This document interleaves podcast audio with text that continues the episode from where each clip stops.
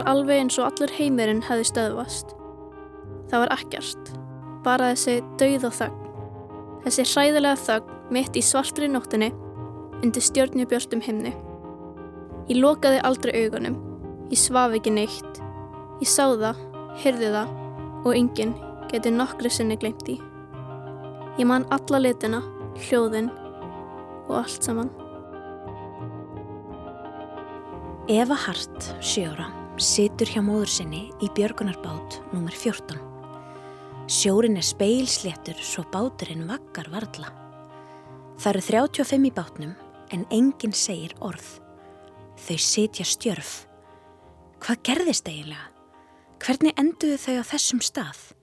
Tveimur tímum áður höfðu þau sofið vært í káutum sínum, silt áhegilaus á Titanic Glæsilegasta farþegarskipi sem hafði nokkru sinni verið smíðað. Draumaskipinu.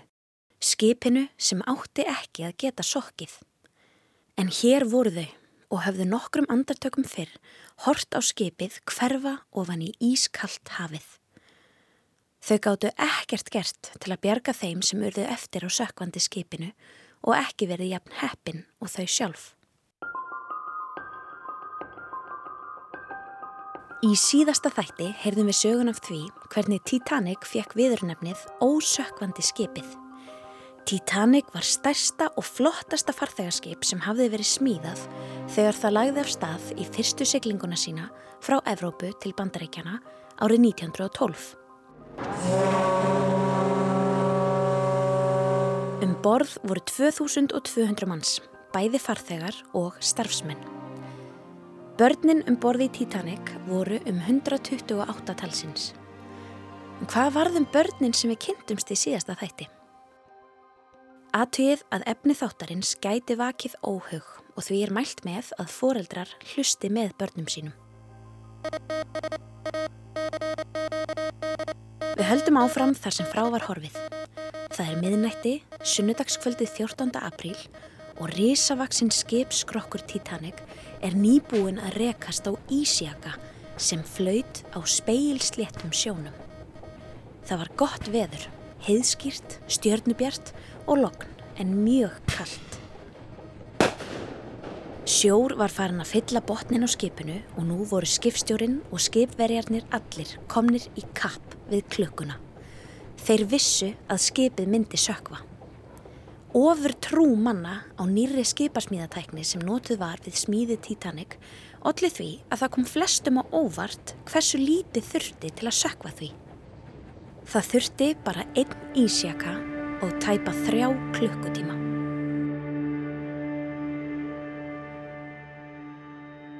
Fyrstu viðbröð margra voru því að gera lítið úr vandanum. Mamma Efu Hart, sjóra stelpus sem við kynntumst í síðasta þætti, svo sem hafði haft slæma tilfinningu fyrir þessu ferðalagi frá upphafi, var vakandi þegar hún tók eftir því að eitthvað hafði komið fyrir. Þær maðgur byðu í káetinu sinni á meðan pappin hljóp upp til að aðtuga hvað hafði gerst. Farþegar á fyrsta farrými fengu fljótt skilaboð um að koma sér í björgunarbáta. Barnfóstra hins unga Róberts Spetten, þess sem hafði nokkrum dögum áður leikið sér með skopparakringlu á fyrsta farrimi, vakti hann blíðlega og sagði að þau væri að fara í smá ferðalagt til að skoða stjórnurnar. Önnur börn fengu að heyra að þau ætti að fara í björgunarbátana til öryggis. Þetta væri bara gert á meðan væri verið að laga skipið og að allir erðu komnir aftur í tæka tíð fyrir morgunmatinn. Einn af siðareglunum á sjó á þessum tíma kallaðist konur og börn fyrst. Samkomilag um að bjarga fyrst öllum konum og börnum um borð ef það erði slis á sjó.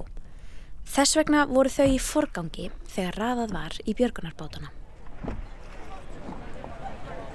Það er mikið óðagott á þilfarinu. Flestir reyna í örvæntingu að koma sér og fjölskyldu sinni í björgunarbát en það er ekki nóg pláss fyrir alla. Karlmennir þurfa að býða. Aðrir telja þeir séu örugari um borði í Titanic en á pínu litlum árabát út á köldu hafinu.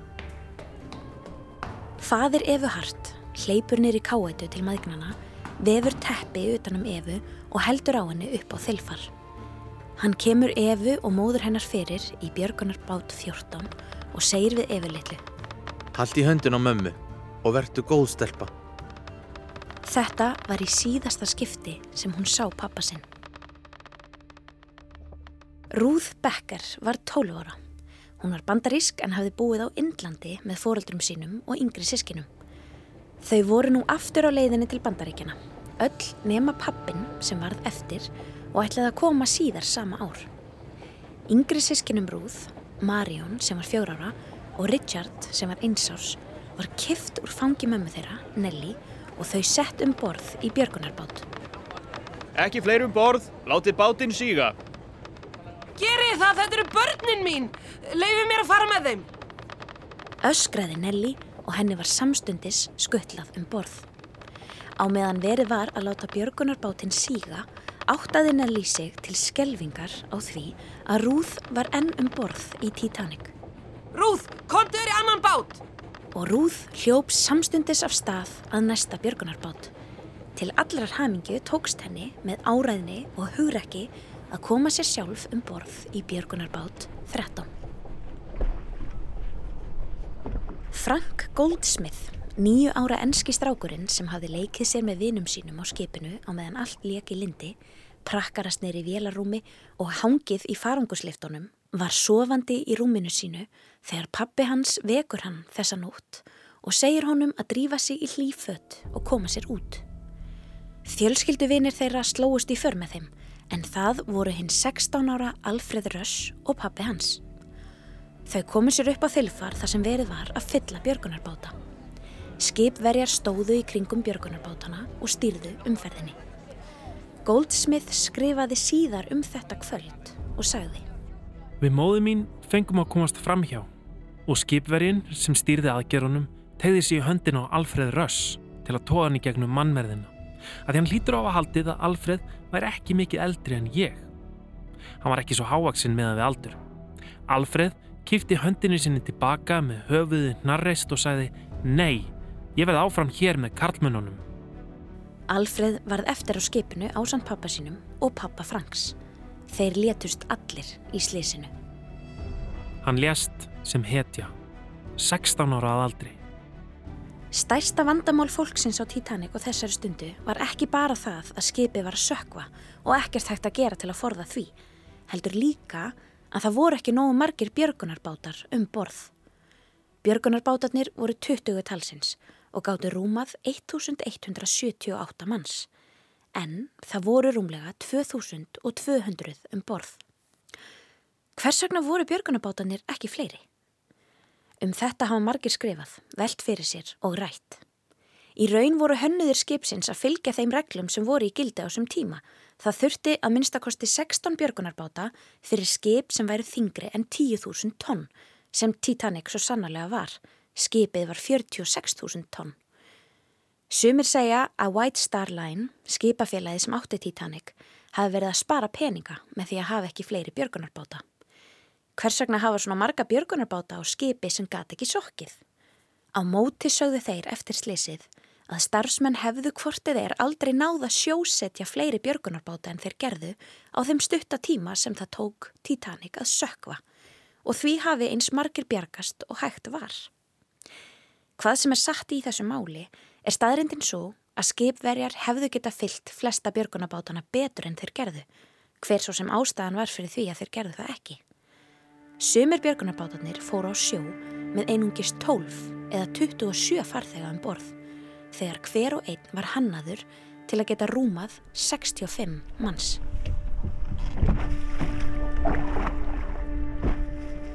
Víkur nú sögunni að sískinunum Louis og Jamilu Garrett. Þau voru, eins og framkom í fyrir þætti, líbönsk sískinni sem enduðu ein um borð í Titanic eftir að fadur þeirra var stöðvaður í lækniskoðun. Jamila fann þegar skipi rakst á Ísakan og sagði bróður sínum að þau yrðu að koma sér út. Þegar þau voru lögð á stað, myndi Jamila eftir 500 dollurum sem pappi þeirra hafði látið þau fá fyrir ferðarlægið og hún hafði glemt niður í káetu. Þau snýru við til að sækja peningin en þegar þau komu aftur að káetunu sinni var sjór farin að flæða inn svo þau urðu að snúa við.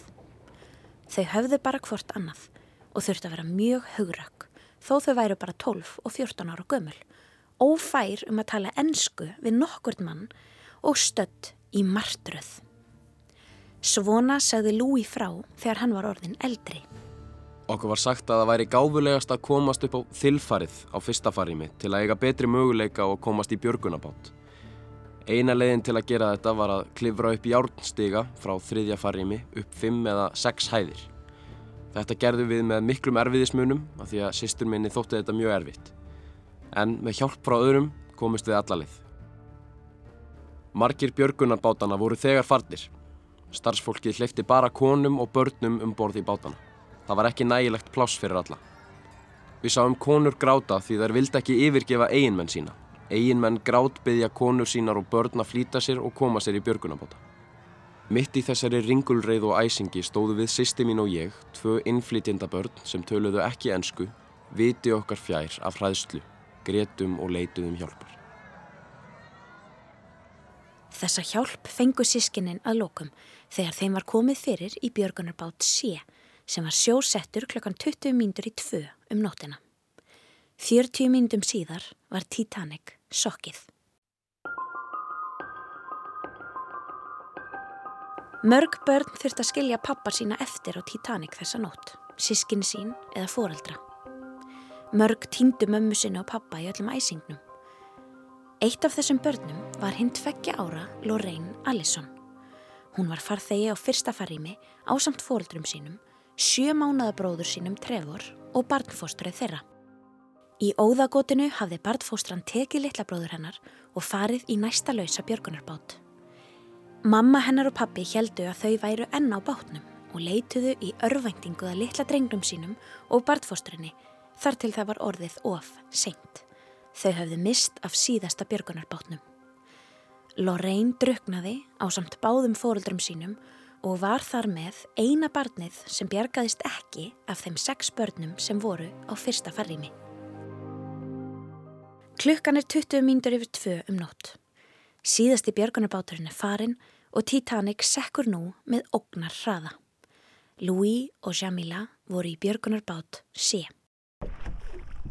Ég var gladur að vera í björgunarbát en ég fann fyrir sorg. Fann til með þeim sem örðu eftir á Titanic. Þegar ég leið tilbaka á þetta stóra fallega skip sá ég það frá nýju sjónarhortna og þar sem sum ljósinn voru ennkveikt áttaði ég mig enn betur á stærð og fegurð skipsins. Það var svo stilt að hljóð ferðaðist vel þvert yfir sjóin og því heyrðum við hljómsveitin að spila á þilfærinu. Fólk söng með, sálminn Herra minn Guð til þín. Hljómsveit Titanic spilar fallega tónlist fram á síðustu stundu. Hærra minn Guð til þín er jarðarfarasálmur sem er oft sungin og spilaður í jarðarförum Erlendis en líka hér á Íslandi. Sagfræðingar eru reyndar ekki sannfærðir um að þessi sálmur hafi verið spilaður af hljómsveitinni. Að minnstakosti ekki svo útgáfa sem við heyrum hér undir, sem er svo útgáfa sem Íslandingar þekkja best. Eftirlifendur eins og Louis sögðu nefnilega mismunandi sögur af síðustu tónlistinni sem hljómsveitin spilaði um borð á meðan skipið sökk. Sama hvað, þá spilaði hljómsveitin sína eigin jarðarfarar tónlist. Báturinn sekkur með stefnið eða frampartin á undan þannig að bakborðin stóð á tímabili beint upp í loftið. Síðan brotnar skipið í tvent og sekkur að lokum í tveimur hlutum.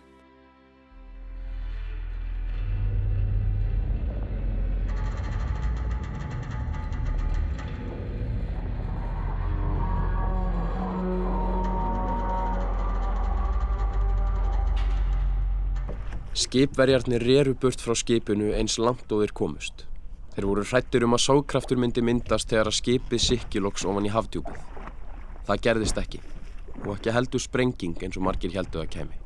Sjórin var óvenjulega sléttur og stiltur það var gott því flestir björgunarbátarnir voru yfirfullir af fólki. 1500 manns höfðu ekki komist í björgunarbát í tæka tíð og fóru niður með Titanic. Sum þeirra voru enn á lífi eftir að skipið sökk og náðu að synda upp að yfirborðinu, flutu í björgunarvestum eða heldu dauðahaldi í brak úr skipinu sem flaut um allt. Sjórin var ískaldur, mínus tvær gráður og þær aðstæður þólir mannslíkaminn ekki lengi. Það liðu ekki nema nokkrar mínútur þar til flestir voru dánir úr ofkælingu. Um borði Björgunabát 13 lætur Ruth Becker, 12 ára, einn kólaverkamannin fá teppið sitt. Hann var létt klættur út af vinnu sinni við heita brennsluofnana en satt nú skjálfandi í næturfrostinu. Um borði Björgunabát 14 eru hinn 13 ára Madeleine Violet og mamma hennar Elizabeth, maðgurnar sem voru að leið að vinna fyrir Colgate fjölskylduna í Vermont. Ég sá að ljósin á skipinu voru enn kveikt rétt eftir það sökk undir yfirborð sjávar. Síðan allt í einu og án nokkur sljóðs sloknaði bara á þeim. Þau voru farin. Ójá, heiminin var kólsvartur og stjörnurnar skinu skært. Þau sögðu mér að fólki í sjónum væri að syngja en ég vissi að það væri að öskra. Jack Thayer var 18 ára, farþegi á fyrsta farrimi sem misti sjónar að mömmu sin og pappa í óðagótinu áður en skipið sökk. Hann gerði ráð fyrir að þau hefðu komið sér um borði í björgunarbát en áttaði sig á því að hann ætti litla mögulega á því út af reglunni um konur og börn. Hann hafði mikla trú á sér sem sundmanni og ákvað að stökva frá borði þegar ljósta var að lítill tími var til stefnu. Skipið var á leið niður. Honum tókst að syndaði björgunarbát sem hafði kvólt og náði að hanga á honum á samt loftskeitamanninu Harold Bright sem hafði sendt neyðarmerki til annara skipa nokkrum klukkustundum áður. Þeir hengu og heldu sér á lífi í fimpul kuldanum nógu lengi til að verða bjargað. Klukkan fjögur um nóttina, tveimur tímum eftir að Titanic sekkur, kemur fyrsta björgunarskipið á vettfang. Það var skipið RMS Carpathia sem var á leið frá New York til Evrópu. Þeir rúmlega 700 sem lifðu af voru dregnir um borð í Carpathia sem snýri við og sildi aftur til New York. Farþegarnir sem höfðu lifað þessa hræðilegu nótt heldu svo hver í sína áttina þegar komið var í höfn. Af þeim 128 börnum, 14 ára og yngri, sem voru um borð, lifðu 67 af 61 lést. Eitt barn á fyrsta farrými, eitt barn á öðru farrými og 59 á þriðja farrými.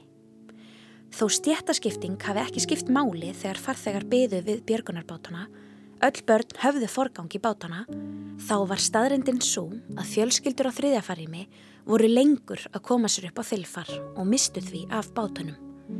Það eru margar ástæður fyrir því hvers vegna þriðja farrýmis farþegar voru svona lengi að koma sér upp tróðningur um borð, þau voru lengur að fá skilabóðin um að koma sér í björgunarbáta og mörg þeirra töluð ekki ennsku og áttuðu sér ekki strax á hættunni sem stedjaði af þeim. Ruth Becker, svo sem varð viðskila við mömmu sína og yngri sískinni, hitti þau aftur um borð í Carpathia. Violet Madeleine Mellinger, Eva Hart og Frank Goldsmith hófu nýtt líf í bandaríkjónum á samt maðurum sínum og sögðu sögur sínar ofinberlega. Það gerði líka Louis Garrett en fjölskylda hans og sýstur hans, Jamilu, sameinaðist að lokum í Flórida. Þetta eru bara nokkra sögur af ótal mörgum. Kaftin Smith sildi sína síðustu ferð með Titanic því hann fór niður með skipinu á samt stórum hluta af starfsleiði sínu. Síðasti eftirlefandi Titanic slissins lést árið 2009.